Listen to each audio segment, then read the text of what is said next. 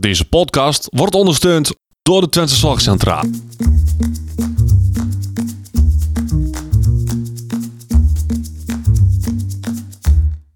Welkom bij de Out of the Podcast. De podcast waarin ervaringsdeskundige Thijs Vleer en orthopedagoog Odette Hageman samen kijken naar een leven met autisme. Een hele goede dag en welkom bij deze aflevering van de Out of the Podcast. Mijn naam is Thijs Vleer. Ik ben de ervaringsdeskundige, want ik heb autisme en ADHD en een lichtverstandelijke beperking. En tegenover mij zit altijd Charante. Odette Hageman. Goeiedag, hallo. Hoi. En naast mij zit ook Jacinta. Jacinta, ook een goede dag. Ja, goeiedag Thijs en Odette, hallo. Wat leuk dat jij uh, vanaf de andere kant van Nederland volgens mij uh, deze ja, kant op bent. Ja, inderdaad, ja. Um, ja. Je maakt zelf ook een podcast? Ja, sinds kort. Ja, sinds kort. En, en, en over uh, met name je zoon, Marijn. Ja, Gaan we het zo meteen uitgebreid over Ja. hebben. Heeft ook autisme en... Um, nou ja, daar gaan we het zo meteen uitgebreid over hebben, lijkt mij. Ja. Ja. Het is nog wel even leuk trouwens om te vertellen hoe Jacinta aan deze tafel is komen zitten. Nou, gewoon door de stoel. Ja, dat is door de stoel. Ja. Ja, maar dat is dus gebeurd, want ik werd op een dag gebeld door Jacinta. Um, ja, kun je het vertellen? Hoe is Ja. het gegaan eigenlijk? Ja, uh, ik had uh, al heel lang het idee om een... Uh, nou, eigenlijk aanvankelijk had ik het idee om een documentaire te willen maken of een boek te schrijven over hoe het is om uh, een autistisch kind, een verstand, verstandelijk gehandicapt en autistisch kind te hebben en hem daarmee een podium te geven, een beetje in het licht te zetten, maar ook andere ouders tot steun te zijn. Dat Ja. was mijn um, achterliggende gedachte, maar dat is heel ingrijpend natuurlijk, een documentaire maken of een boek schrijven. En toen kwamen de podcasts in de wereld en ik dacht, ja, dat is helemaal mijn uh, ding. Om praten kan ik wel, om het zo te zeggen. En um, dus toen dacht ik, dat ga ik doen.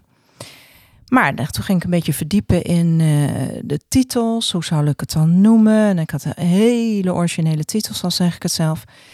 En ik ging zo googlen erop. En ik zag dat jullie ook een hele originele titel hadden. Een hele originele, ja. En ik denk, oh, het bestaat al. Dus ik was eerlijk gezegd helemaal gedemotiveerd. Ik denk, ja, dan ga ik niet ook nog een podcast maken. Het bestaat al. En ja, ik weet, ik ben ook helemaal niet thuis in deze wereld. Ben je dan concurrent of wat ben je dan van elkaar? Ik wilde jullie ook niet in de weg zitten. Dus nou, vond ik gewoon vervelend. En toen um, dacht ik, ik ga bij jou stond een telefoonnummer bij. Ik ga jou opbellen. Ja. Om, um, nou ja, ik weet eigenlijk niet precies wat mijn reden was, maar wel. Want ik was eigenlijk al een beetje van het idee afgestapt. Ja, dat. Ja. ja. En ik belde jou op en um, ik vertelde dat van nou, ik was dit van plan. Ik ben helemaal klaar voor en helemaal enthousiast. Maar eerlijk gezegd, uh, ja, voelt het nu niet meer zo goed nu. Ik zie dat jullie ook al een podcast hebben die uh, hierover gaat. En ja, ik denk dat jij wel drie keer gezegd hebt, en volgens mij weet je het niet eens meer precies, tijdens het telefoongesprek. Oh nee, dat moet je doen, want het is heel anders wat jij van plan bent en waar hoe jij het gaat doen. En je moet het echt doen. Nou, ik werd weer helemaal enthousiast. En vanaf dat moment ging- liep het als een trein en ging het stromen. En ja, is het dus ge- gelukt. Dus Ja. eigenlijk dankzij jou bijna. Want, want uh, Jacinta, jij, jij werkt in, in series en jullie, jouw eerste serie staat al uh, Ja. o- online, overal. Um, we zijn geen concurrenten, want ik vind dat uh, wij, wij als Out of the Podcast willen juist informatie verspreiden. En uh, hoe meer mensen dat doen over autisme, hoe meer dat dat... Hoe beter Ja, dat, dat is. Dus vertel Ja. even, waar kunnen we je vinden en hoe heet je? Nou, ik, ik wil ook nog even over concurrentie zeggen, want ik wist er helemaal niks van. Ehm, dat is natuurlijk vooral als je een commercieel doel erachter hebt. Nou, Ja. een podcast maken eh, verdien je niks mee. Dat kost alleen maar geld, dus in die zin kan je geen concurrent zijn. Hooguit in de luisteraars, eh, hè, dat je elkaars eh, luisteraars afpakt, bij wijze van spreken. Ja, Maar ja, goed, we hebben het ook niet over duizenden mensen en voorlopig. Dus dat loopt allemaal wel los. En dat zei jij ook. Je zei Ja. van nee hoor, dat is helemaal... want ik hou daar niet van als je een ander in de weg zou zitten of zo. Maar goed, dat speelt dus helemaal niet. Dus, nou. Maar ehm, jouw vraag... de- het eh, is in zoverre anders misschien ook... omdat eh, mijn zoon Marijn is... eh, ja, zou kunnen zeggen klassiek autistisch, zwaar autistisch kan je het ook noemen. en verstandelijk gehandicapt. Ja. Een zodanig ehm, niveau dat ik ook niet met hem kan communiceren. En ehm, Ja, je kunt er geen gesprek meer voeren. en je- Nee. En je, kunt, hij kan jou ook niks duidelijk maken, zeg maar. nou, wat praktische dingen zou die, Ja. kan die duidelijk maken. Maar eh, ge- absoluut geen gesprek voeren of emoties delen of vragen hoe was het of hoe vind je dit of wat zou je ervan vinden als we dat. Dat soort dingen allemaal niet. Nee, nee. En eh, waar kunnen we mij vinden? Tot nu toe alleen op Spotify en YouTube. Dus ook met beeld in ons geval. En het heet Rond Autisme. Oké. We zetten het ook wel even... In, de show, in de show notes. Yes. Nou, super lief van jullie. En de eerste serie inderdaad is, staat nu online. Het zijn negen afleveringen. Het is eh, heel persoonlijk en intiem en zelfs vrij kwetsbaar. Ja. In de zin van eh, dat we hebben niets te verbergen en alles werd, kon gevraagd worden. Ik kende de vragen ook van tevoren niet. En er is ook één aflevering met zijn zusjes en één aflevering met zijn vader. En dat zijn dus die negen afleveringen. Maar serie 2, dan komen gastsprekers en dat zijn eh eh, deskundigen en ook nog een andere moeder. Door wie word je... Ik heb een aflevering geluisterd. Door wie word je geïnterviewd? Eh, Charlotte, eh, die, eh, Charlotte de Komen, zij is journalist, zij interviewt ons. En het mooie was, want dat wilde ik van tevoren ook. Ik wilde iemand die goede vragen zou kunnen stellen, maar die mij nog niet persoonlijk kende. Want als je toch al wat weet van iemands situatie, kan je onbedoeld misschien toch een beetje sturend zijn. In, Of, of rekening houden met... Ja, Ja. inderdaad, heel goed gezegd, Thijs. En dat soort dingen. En eh, dat eh, doet zij allemaal niet, want dat kan niet eens, want ze kende mij niet. En, ehm, maar wel iemand graag die zich natuurlijk in het onderwerp verdiept. En dat, dat is, doet ze echt fantastisch. We hadden meteen, we hebben een soort eh, proefopname gedaan en een brainstorm. En toen bleek meteen dat, dat wij klikken. Want het gesprek moet natuurlijk lopen. en, ehm. En ik wilde de vragen per se niet van tevoren weten, want anders ga je toch onbedoeld een beetje denken van, oh, hoe zal ik dat zeggen en dit en dat. En dat maakt het nu, denk ik, bij nader inzien, eh, terugluisterend, ook heel mooi, omdat ik echt overvallen word s- soms, ook, soms ook door emotie. Ja, wat natuurlijk heel logisch is, want het is Ja. niet niks ook jullie verhaal. Ja, Ehm, vandaag gaan we ouderwets gewoon met onze eigen stellingen aan de gang. oké, ja. Dus laten we beginnen en dan eh, ehm, kijken we waar, we waar we uitkomen straks. Ja, Nou, als eerste stelling had ik, als moeder merkte ik al snel dat Marijn anders was. Ja, ja, dat is inderdaad zo. Heel snel zelfs. We zeggen steeds negen maanden, maar eigenlijk was het al daarvoor. Ja. Maar met negen maanden hadden we een afspraak weer op het consultatiebureau. En ehm, gewoon een standaard afspraak. Had ik echt een waslijst aan observaties van opmerkelijk afwijkend, zou je kunnen zeggen, gedrag. Ja. En ehm, de, even de glo- glo- globale, wat ehm, bekendere dingen. Hij maakte geen oogcontact. Hij zat toen al. Hè. Een kind van negen maanden kan over het algemeen zelfstandig zitten. Dus dan Ja. zat hij in de kinderstoel op ooghoogte. En normaal gesproken, hè, want als je op schoot zit, kan je nog hebben dat je bij wijze van spreken langs elkaar kijkt. Ja, precies. Ehm, maar hij zat dus eh, echt op ooghoogte. En hij zat toen ook al in het winkelwagentje als we boodschappen gingen doen. Nou, dat is allemaal recht tegenover elkaar qua oogcontact. En dat viel echt op. Ja. En eh, hij lachte weinig. En ehm, ehm, nou, het, het- wat ook heel, heel opmerkelijk was, hij begon niet te wijzen. Heel veel eh, kinderen die zelf, eh, elk kind kan natuurlijk tot een bepaalde leeftijd nog niet praten, maar wel wijzen. Ja. En dan gaat een kindje wijzen. Dat is eigenlijk een prachtig systeem. En dan ga je als begeleider, ouder of wat dan ook, daarop reageren op dat wijzen. En dan zeg je, oh ja, dat is een auto. Of eh, ja, dat is eh ja, dat is opa. beginnende Dat is interactie eigenlijk elkaar. de hè? beginnende communicatie, Ja. wijzen. Maar hij ging niet wijzen. Nou ja, allemaal zulke dingen. Wat was, weet je nog een beetje het eerste moment dat je dacht... Want dat, je zegt, het was eigenlijk maar negen maanden, werd Ja. het ons heel erg duidelijk. Maar Ja. daarvoor wisten we het eigenlijk ook al. Ja, Wat was dat dan daarvoor al? Nou, dat, dat geen oogcontact maken, dat, Dat dat ehm, al- ja, dat voelt heel naar. Ja, Eh, hij lachte ook weinig, maar dat vonden we zelfs wel eh, iets hebben. In de zin van, ja, je houdt sowieso van je kind en alles aan je kind vind je leuk. Dus we dachten, oh, het is een soort klein professortje, heel, eh, weet je wel, die, die dan heel serieus. maar toch voelt het wat bevreemd. Ja. en, ehm, maar het, ik denk dat ik echt schrok. Eh, dat was vlak voordat we naar het consultatiebureau gingen toen ik eh, voor het, eh, ik, ik waste hem op zijn kamertje en dan kleed ik hem natuurlijk aan op de commode en dan zette ik hem even op de grond om te kruipen en speelgoed te pakken. En dan ging ik zelf ondertussen dat badje opruimen. En dan de derde dag bij wijze van spreken dacht ik, hè?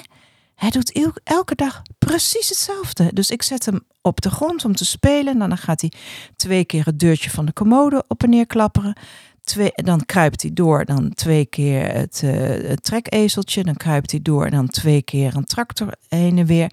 En verder gebeurde er niks. Dus Nee. er, ging geen, er kwam geen spel uit voort. Het ging dus om de handeling van Ja. twee keer iets herhalen. En dat, daar schrok ik van. En wat maakte dat je daarvan schrokt, schrok, Schrokte. van schrok? ja. Nou, omdat je voelt dit... eh, Is de- toch anders? eh, ja, je voelt, je voelt er is iets wat niet... eh, ja, Ja, in hoeverre heb je toen in die tijd kon je al goed bedenken, oh, dit is, er is iets met Marijn, in plaats van dat je dacht, oh, er is iets mis met mij als moeder zijnde. Ik heb, ik doe iets verkeerd. Eh, dat heb ik heel eerlijk gezegd, eh, dat hoor je wel eens. Maar dat, ja. ja, dat klinkt misschien een beetje raar om te zeggen, maar dat heb ik eigenlijk niet gehad. Nee, voor jou was het eigenlijk heel duidelijk dat, dat, dat er met Marijn iets was waardoor hij anders reageerde dan de, over het algemeen de gemiddelde baby. Ja, Ja, ja. En ehm, wij hadden wel, eh, zijn vader, met, bedoel ik met wij, eh, toen, we hadden vrij, vrij snel dus door, er is echt iets. En bovendien, het werd ook toen meteen bevestigd. Hè? Hij was Ja. dus, dus wij hebben niet een periode gehad dat je in het ongewis zit. En dan kan ik me voorstellen dat je misschien ook eh, meer gaat denken, ik doe iets fout. Maar bij ons was met negen maanden niet de diagnose, maar wel het woord was al gevallen. ja precies. Dus dat maakt het anders, denk ik. Hè? En, Ja. en is Marijn jullie oudste zoon? Ja, hij is de oudste.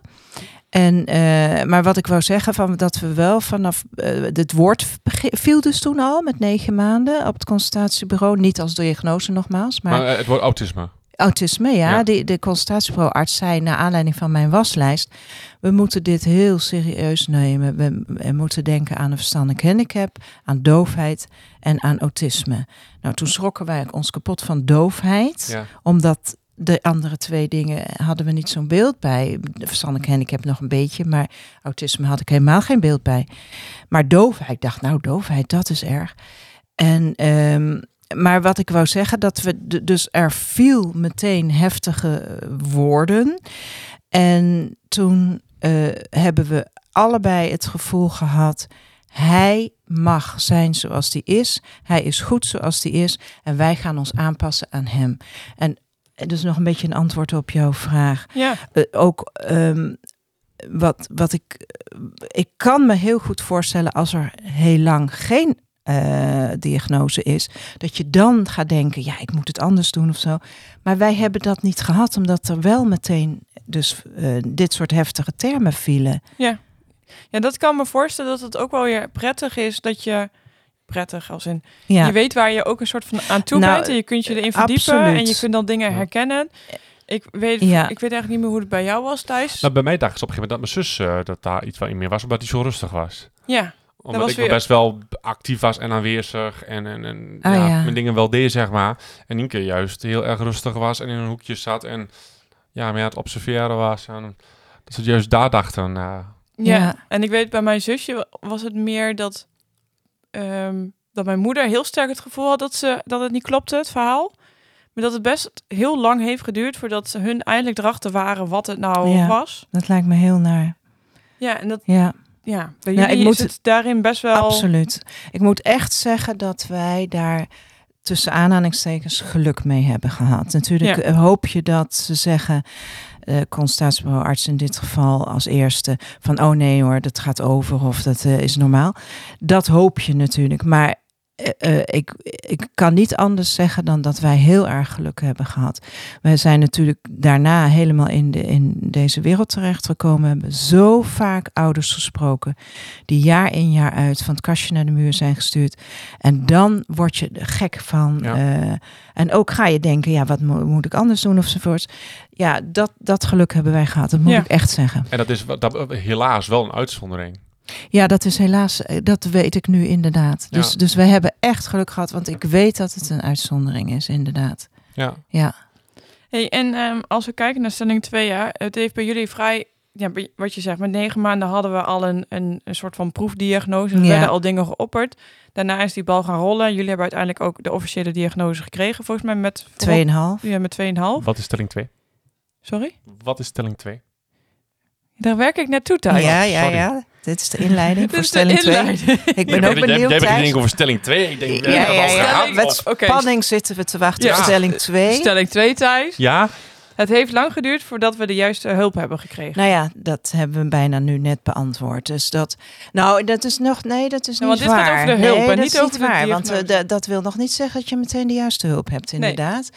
Maar eh, d- het woord was gevallen, autisme, daar wist ik niks van eigenlijk. En ehm, doofheid was heel snel duidelijk dat dat het niet was. Dat kan je echt eh, medisch al heel snel aantonen met zo'n jong kindje. Ja. En ik ben gaan lezen toen over autisme. En je kunt het je bijna niet voorstellen. Dan is je kind negen maanden. En ik herkende bijna al alles wat ik las. En als rode draad dan. En ehm, dat was heel heftig aan de ene kant. Want je leest ook dingen die nog lang niet aan de orde zijn. Maar waar- waarvan je wel ja, denkt, nou, dit gaan we dus allemaal nog krijgen. Ja. Aan de andere kant eh, heeft het eh, ook...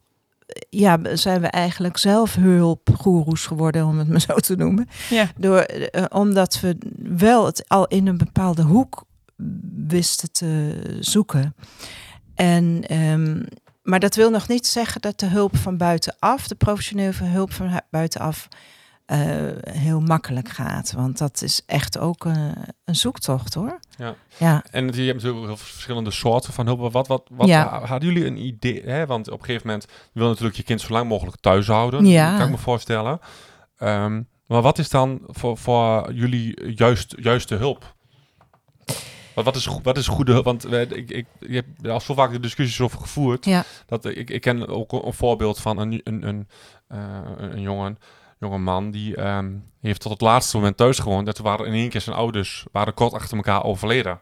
ja, Ja, nee, heeft hij zo'n klap van gehad. ja. Ja, is dat dan de juiste hulp? Ja, dat is een goede vraag, eh, Thijs. Want eh, bij ons was het ook al heel jong duidelijk dat Marijn dus eh, nog heel jong was. Van ja, eh, 24 uur, zeven dagen per week is niet haalbaar. Dan moet je eh, een heel team aan begeleiders in huis halen om de dagen door te komen, zeg maar. Hè? Ja. Dus dat, dat is de, de. Tegenwoordig is daar al veel meer mogelijk. Want Marijn is 33 dan 33 jaar geleden.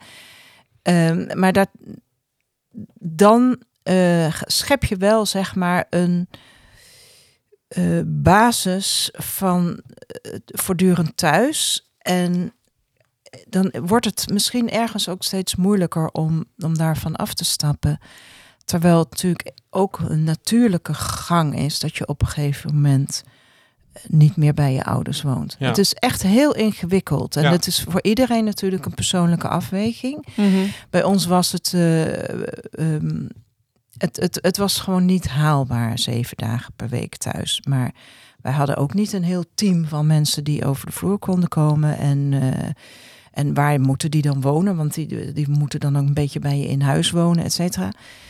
En eh, nou, we hebben het eh, toen, maar dan heb ik het echt al over jaren later hoor. Toen was hij al eh, zeven, zeven en half. Dat we een constructie hadden dat hij naar een school ging waar hij twee nachten per week mocht blijven.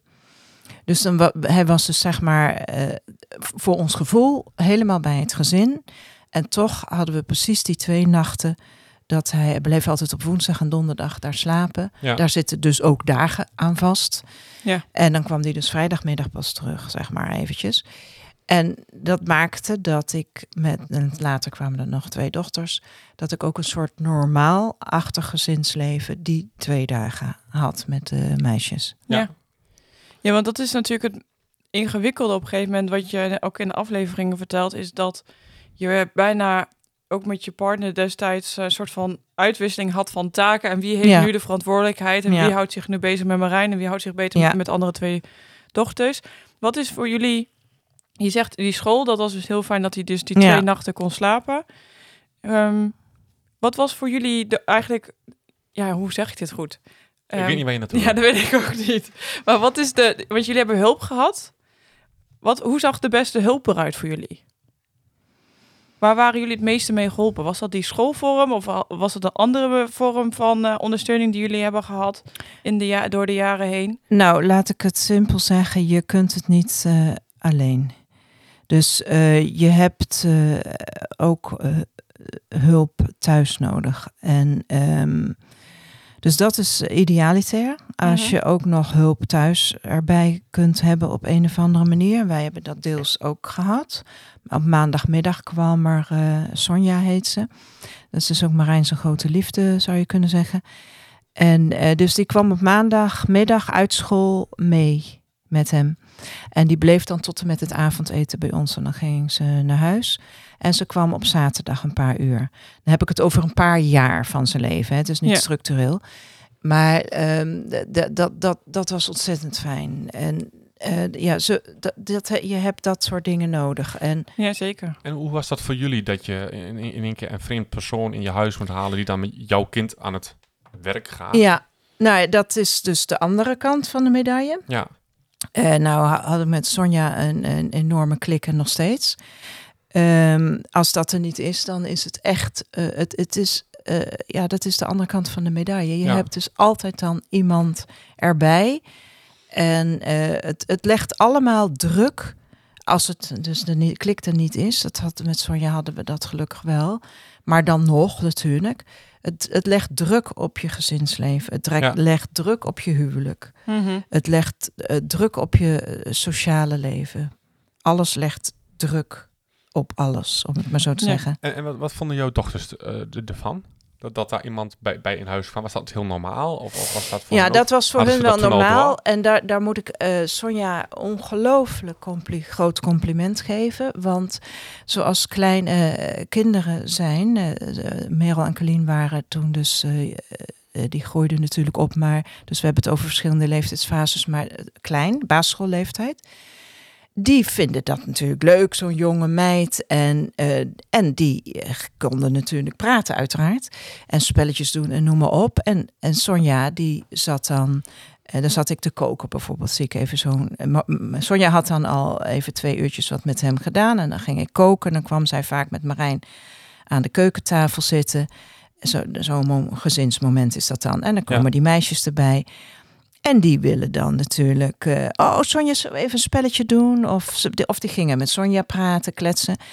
En dat is echt ontzettend knap, want dat ligt op de loer. Om dan, dat is natuurlijk veel makkelijker. Want dan, dan denk je, ja, leuk, gaan we even. Want, want met Marijn was het eh, het eh, trek aan een dood paard, bij wijze van spreken. Ja. En, ehm, maar zij, eh, dat is, ik zie het nog voor ik vond het zo knap. Zij heeft toen op een hele liefdevolle manier duidelijk gemaakt. Want kinderen kunnen dat niet begrijpen natuurlijk. Van ja, je zit hier toch? Je zit hier even te niksen, bij wijze van spreken. Zo ziet het eruit.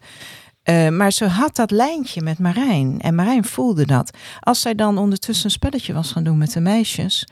Of eh, gaan kletsen met de meisjes. Natuurlijk zei ze wat, wel wat tegen hun. Maar ehm, dan eh, zou dat ten koste zijn gegaan van Marijn. En dan zou het ook minder goed zijn gegaan. En ze kwam voor Marijn. En hij voelde dat. Zij koos onvoorwaardelijk voor hem zonder dat ze de meisjes afwees. En nou, die zijn dat gewoon gaandeweg gaan accepteren. En niet dat ze haar niet meer aanspraken of zo. Maar ze wisten van, nou, we moeten niet aan Sonja gaan vragen om even een spelletje met ons te doen. Dus Sonja is geen vriendin, maar is gewoon de oppas van. Om het zo te zeggen. Nou, eigenlijk de, een soort van de vriendin van Marijn. Ja, bij wijze Ja. van spreken vriendin van Marijn. Maar normaal als, als eh onderling eens een vriendinnetje zouden hebben, dan eh, hoort die er ook bij. Dan ja, precies. dus dit was toch anders. Ja, het was ze ook voelden, anders, nee ja. het is absoluut anders. Ze Ja. voelen, het is alles is anders. Ja. hoe, hoe oud was Marijn toen hij echt uit huis ging? Eh, 19. Oké. Dus hij is... Ging, dan ging hij naar Nieuweoord. Marijn ging eh, naar een... Nieuweoord is een, eh, ja, ik noem het altijd een dorpsachtige setting. Waar eh, allemaal, voor mensen die dat helemaal niet kennen, zo'n... Ik, ik hou helemaal niet van het woord instellingsterrein. Dat vind ik verschrikkelijk. Maar een, een, een, heel groot open terrein, maar waar alles is. Dus er zijn allemaal straatjes, huisjes. Eh, er was een, eh, een kroegje. Nou, Thijs, jij kent het. eh, Ja. En ehm, een ongelooflijk leuke plek, Nieuweoord. Ongelooflijk leuke plek. Ja. En daar ging hij naartoe en hij woonde in een huisje met totaal vijf. Maar het is helemaal helaas niet goed gegaan. Maar toen was hij 19. En dan tot aan zijn negentiende hebben jullie gehad dat hij een paar dagen in de week ergens Ja. sliep en dan Ja. dat eh Sonja daar was. Op maandag was Sonja er. Ja, en en, op op, zaterdag. een paar uurtjes. En eh, eh, dinsdag was hij gewoon dan thuis. Eh, nou ja, en, er blijft nog genoeg tijd over dat hij. maar op woensdag en donderdag sliep hij dan op Ja. school. Ja. Maar het is best mooi dat jullie op, met deze constructie toch gewoon eigenlijk het normale pad hebben gevolgd. Als in uit huis gaan met 19 is eigenlijk gewoon wat best wel gewoon normale kinderen ook doen. Nou, het was, dat was heel eerlijk gezegd mijn ehm, wens slash eh, opdracht aan mezelf. Dat ik eh, altijd gevoeld heb, ehm, M- Marijn hoort bij ons. Hij mag zijn zoals hij is. Ik ga alles op alles zetten. Dat hij tot met zijn negentiende, want dat voelde inderdaad voor mij als een natuurlijke Ja, leeftijd. Meisjes gingen ook rond die leeftijd Ja. eh, eh, studeren dan en thuis uit. En eh, dat, dat hij dat mag, ma- mag meemaken, vraagt niet. Dat, dat, dat, dat, vraagt wat. Hè? Ja, Ik zeker. bedoel, dat hè? is, Snap je? Makkelijk is het niet geweest. Nee. Nee. Nee, Nee, maar maar het het, was, het was een opdracht aan mezelf. Ja, hoe is het dan voor jou om eh, zo te horen hoe het is gegaan? Ja, dit is misschien heel stom, maar ik probeer het dan toch wel een beetje van op een afstand toch wel een beetje Ja. een soort van professioneel naar te luisteren, zeg maar. Maar ja, het is inderdaad wel eh, in, in, in grote lijnen toch allemaal wel heel erg herkenbaar. Ja, Ja, Ja, maar ja, natuurlijk ook veel liever gehad dat ik tot mijn negentiende thuis was. Maar ja, ja. Dat eh, mocht niet baten. En dat is maar goed ook dat het uiteindelijk allemaal niet gebeurd is, want dan weet ik niet wat eh, de gevolgen daarvan waren geweest. Ja, ja. Nou, dat was bij ons ook, hoor, Thijs. Als, als wij niet die hulp en deze constructie hadden, dan was, had niet gekund. Nee. En ik vind het wel fijn om even te zeggen da- voor de luisteraars dat wij even een voorgesprekje hebben gehad. Dat, we- want ik zat hiermee We- van wat, wat kan ik. ik hè? Ik, het, het gaat ook eh, indirect over jou. En Ja. ook weer helemaal niet, Nee. Maar dat vind ik dan een beetje moeilijk natuurlijk. Maar daar hebben we het over gehad. Maar dat wil Ja. ik wel even, vind ik wel fijn om Ja. even. Anders lijkt het net alsof ik me een olifant door de porselein ja, Nee, dit is inderdaad wel iets wat... ehm, ja, eh, ja, even goed, goed om te zeggen hoor. Maar het- waar we inderdaad goed over gehad hebben. Maar mij, eh, wat, wat, wat je in de, de podcast met mijn moeder ook wel, of in de aflevering met mijn moeder ook kunt horen. Wij zijn heel open. ja. En ik, ik weet dat het soms eh, eh, niet, niet makkelijk is om een kind met autisme te hebben. En ehm, wat ik toch altijd wel eh, heel erg bijzonder vind aan moeders. Dat die dan inderdaad, ondanks heb je een, een heel, nou ja, in de volksmond een vervelend en een, eh, raar kind. eh, dat dat dan toch boven alles gaat. En ik denk ook dat als jij nou even, even naar onze luisteraars, mocht je nou zelf autisme hebben en denken inderdaad van ik ben vervelend en ik ben lastig, vast. Maar dat zijn puberende kinderen ook, dat zijn alle kinderen. En ik denk dat je, er, als je dat denkt, dat je dat gewoon met je ouders moet bespreken. Ja, maar eh, lieve Thijs, maar misschien mag ik dan als moeder daar even iets over zeggen. Dat ik eh, zou nooit zeggen, Marijn is vervelend en is lastig. Want ik, eh, en dat ben jij ook niet. Want ik zeg altijd, het is de handicap die maakt Ja. dat hij zus of zo doet. En, eh, maar dat is niet zijn wezen, hè? Nee, maar dat is ook niet wat ik zeg, hè. Maar, ik, het, Nee, het maar- voelt soms wel zo. Ja, voor dat- voor mij voel ik me, ik, ik voel me soms best wel als een lastig, vervelend, drammend kind. En ik weet gewoon dat er heel veel mensen zijn die inderdaad ook dingen maar liever niet vragen aan hun ouders. Want ik moet dat kunnen of ik moet eh, me niet zo aanstellen. Maar ik weet gewoon van, heel veel ouders, dat ouders daar inderdaad absoluut niet zo naar kijken. En dat is ook waarom ik eh, er ook meer mee ben dat, de, dat, dat eh, we de dingen vandaag bespreken zoals we ze bespreken. Ja. Omdat, Ja. Ik, omdat ik weet dat het geen drama is, omdat ik weet dat het, hè, jij zegt net ook heel mooi, eh, ik weet niet of dat ik weet niet of het in het voorgesprek was of nu, eh, maar ehm, dat moeilijk verstaanbaar gedrag, ja, dat is Ja. niet zo heel moeilijk. Je moet gewoon ehm, goed kijken en goed luisteren. En dan, Ja. als het goed is, eh Ja, leg je precies. het allemaal wel mee. Ja. Hey, ik ga door naar de volgende stelling. Stelling? Nummer? Drie. Jee. Ja, gaan we dat nu doen, elke ronde? Nee, nee Oké. misschien Ehm, wel. Een kind met een beperking is niet altijd makkelijk, maar we hebben altijd veel steun en hulp gehad van familie en vrienden. Ehm, het, is dat een vraag of een stelling? Het is een stelling. Ja, nou, mag Dus je ik, mag, het ik- ook ontkrachten. Mag hè? ik de stelling eh, anders eh, maken? Natuurlijk. Het eerste deel wil ik graag eh, behouden. Ehm, ehm, een kind met een beperking opvoeden is niet altijd makkelijk. Dat Mhm. ben ik helemaal mee eens met die stelling. En ik zou de stelling willen maken. En, en je hebt eh, hulp en steun van familie en vrienden nodig. Ja. Zonder dat eh, wordt het heel zwaar. Want het, je hebt ja, begrip en steun nodig. Ja. Ja. Ja. En heb je dat ook gehad? Ehm, het- ik heb dat zeker eh, van een aantal mensen zeker eh, gehad. En daar, heb ik, eh, daar ben ik heel erg dankbaar voor. Ja, absoluut. Maar het klinkt ook, als je het zo zegt, dat er ook mensen zijn die je hebben, die je hebben teleurgesteld. Dat je eigenlijk van meer steun van had verwacht dan dat je uiteindelijk hebt gekregen als het gaat over Marijn. Ehm, ik had deze vraag niet zien aankomen. ik denk, ik ga die stelling gewoon. Ja.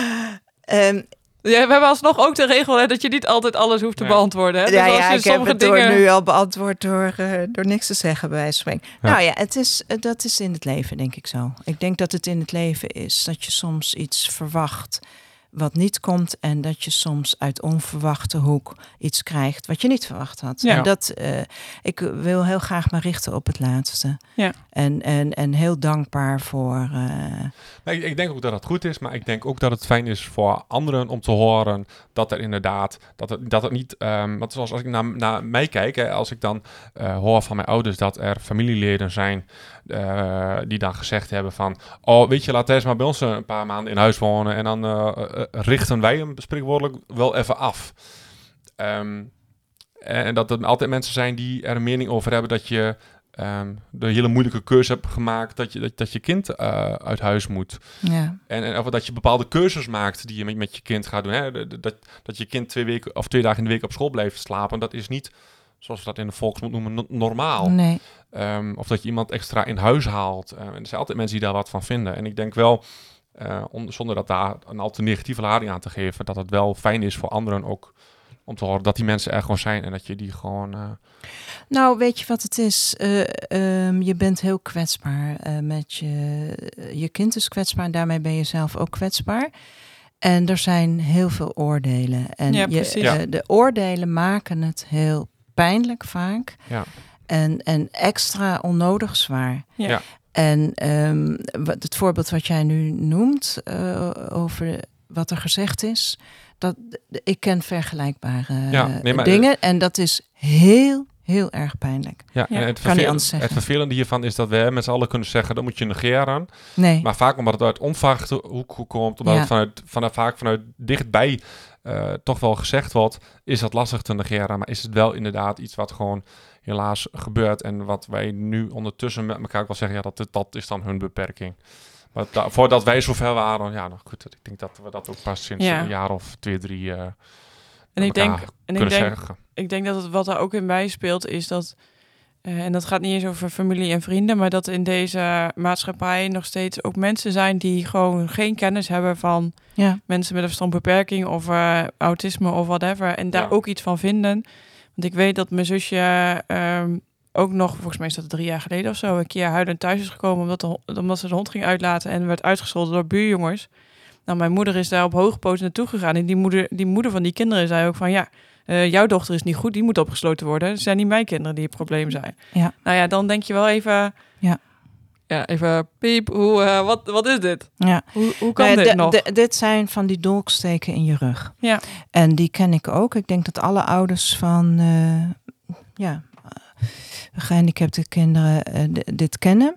Omdat anderen weten het allemaal beter. Ja. En ehm, dat is echt, dat is voor mij een, een van de redenen waarom ik de, ook de podcast, mijn eigen podcast maak. Maar voor jou wellicht ook de reden, omdat je wil dat er meer bekendheid voor is en dat er daarmee meer begrip is. Ja, En laten we met z'n allen zo stoppen met oordelen en gewoon wat meer begrip tonen. Hè? en ook dat de, dat de ene autist ook de andere niet is. Hè. Daarom hebben we natuurlijk jou hier nou ook aan tafel zitten.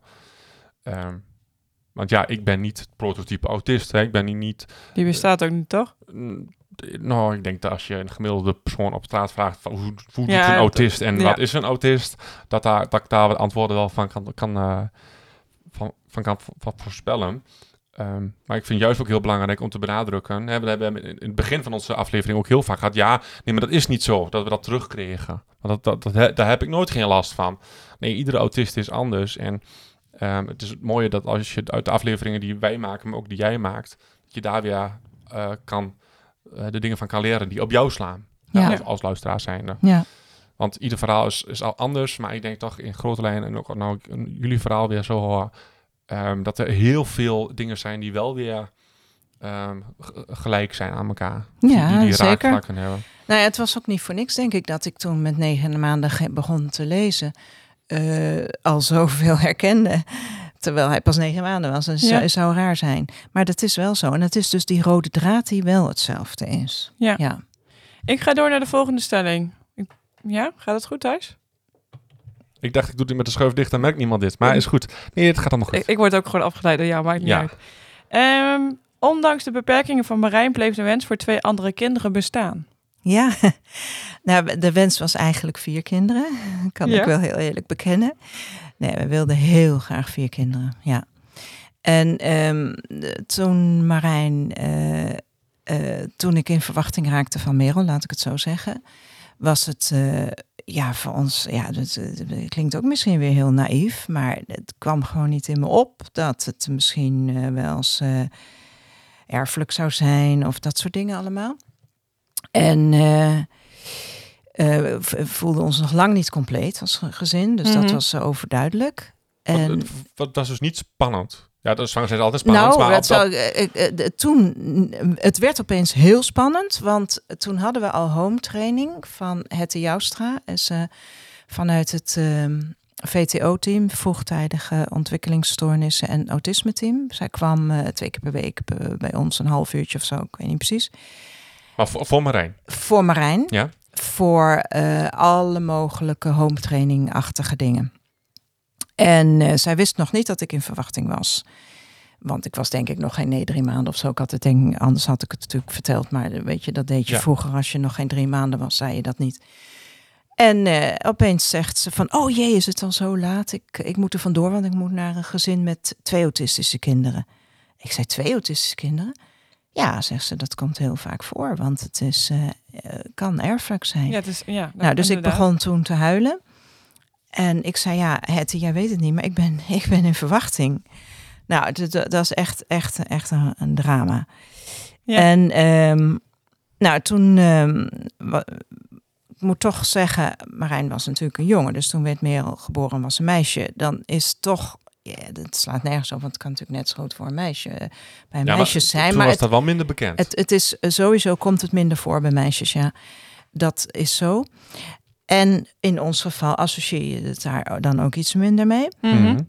Dus dat was een soort van opluchting. Ja, dus het is trouwens niet zo dat het bij meisjes minder voorkomt. Hè? Dat, dat was altijd. ja, maar- dat maar- was altijd. Maar, Maar nu de- niet meer. Nee. Oh, is het zo? Nee, de, de cijfers eh, blijkt dat het evenveel voorkomt, maar dat bij meisjes moeilijker te herkennen is. Dus dat het vaak niet wordt gediagnosticeerd. Oh. Maar Ja. de, het wordt steeds meer bekend dat de cijfers hetzelfde zijn. oh, nou in de tijd dat ik dus zo Ja. mijn- suf las eh Maar dit is iets van de laatste... Drie, vier, vijf Ja, ik wou zeggen, want ik lees al jaren er niet meer over. Maar toen las ik alsmaar erover.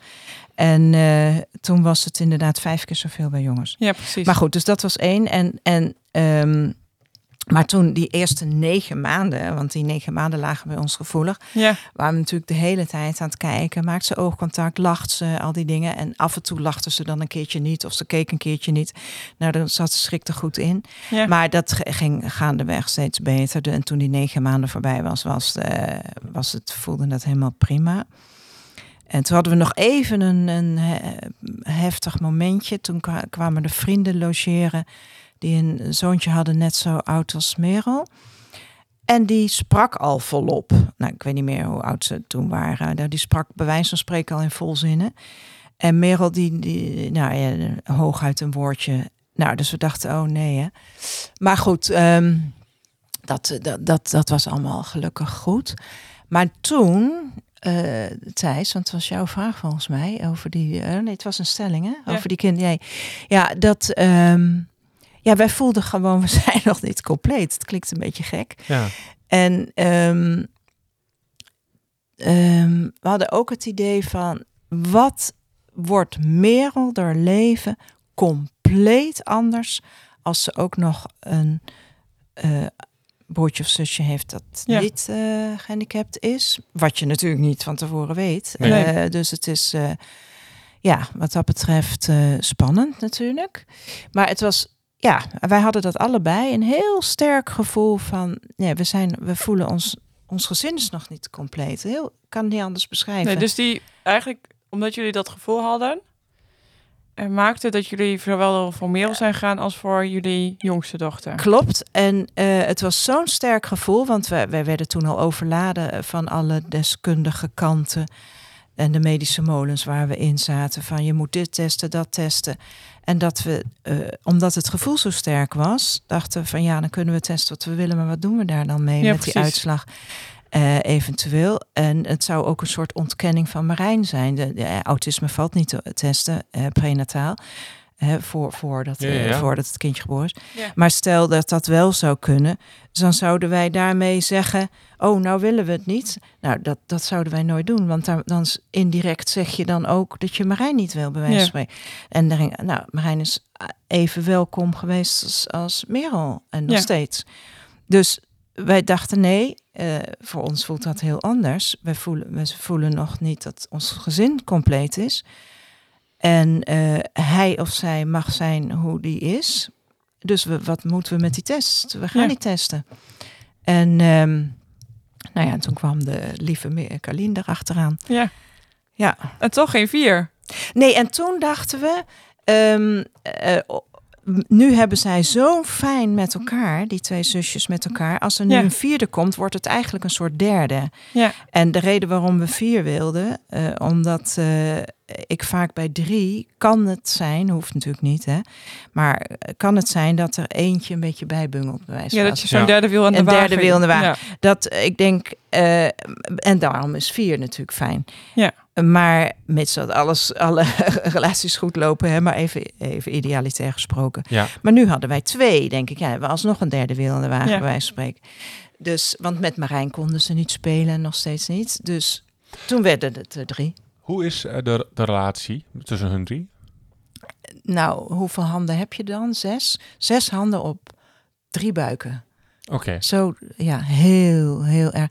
Kijk, eh, de relatie tussen de meisjes is eh, heel hecht en diepgaand en ja. dus- Ja, maar ik kan me ook voorstellen dat een, een, een dusdanig gehandicapte broer ook juist ervoor zorgt dat je samen in dat, in dat schuitje zit, al als brusje zijnde. Ik denk dat dat wel meegespeeld heeft. Ja, dat zij extra eh, op elkaar gericht zijn geweest. En, maar ze hebben ehm, wonder boven wonder nooit ehm, het afge... eh, zeg maar...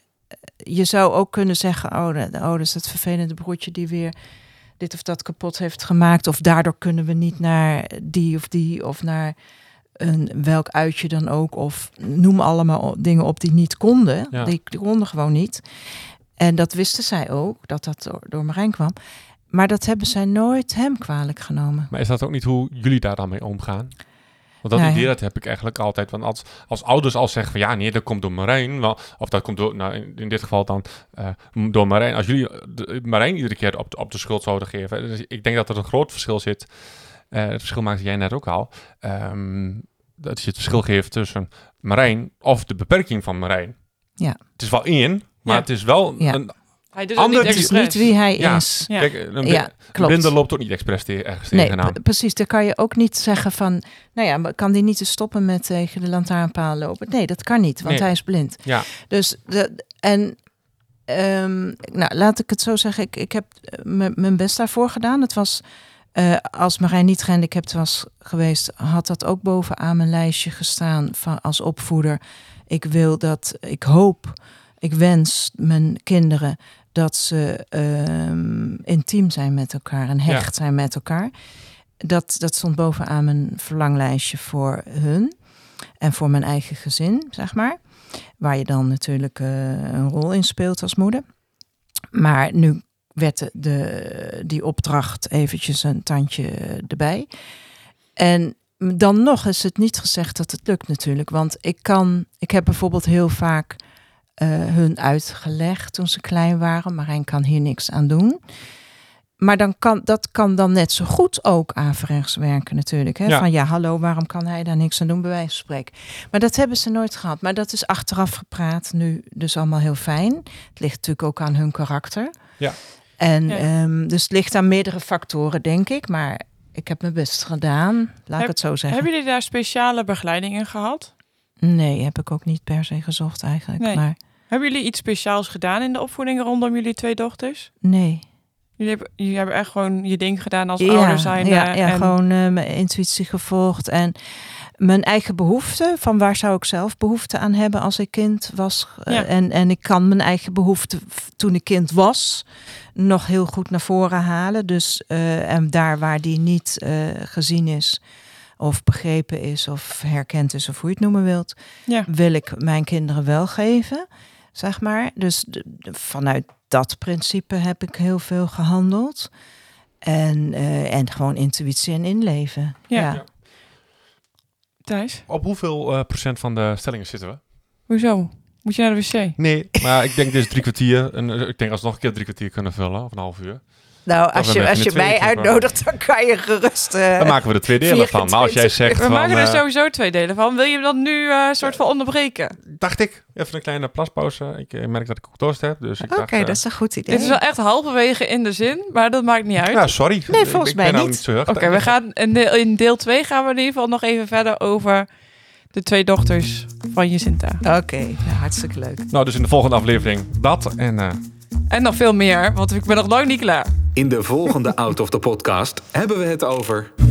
nou, eh, spoel even 10 seconden terug, dan weet je het. Deel 2. Grappig hoor. Ja, ik had het niet.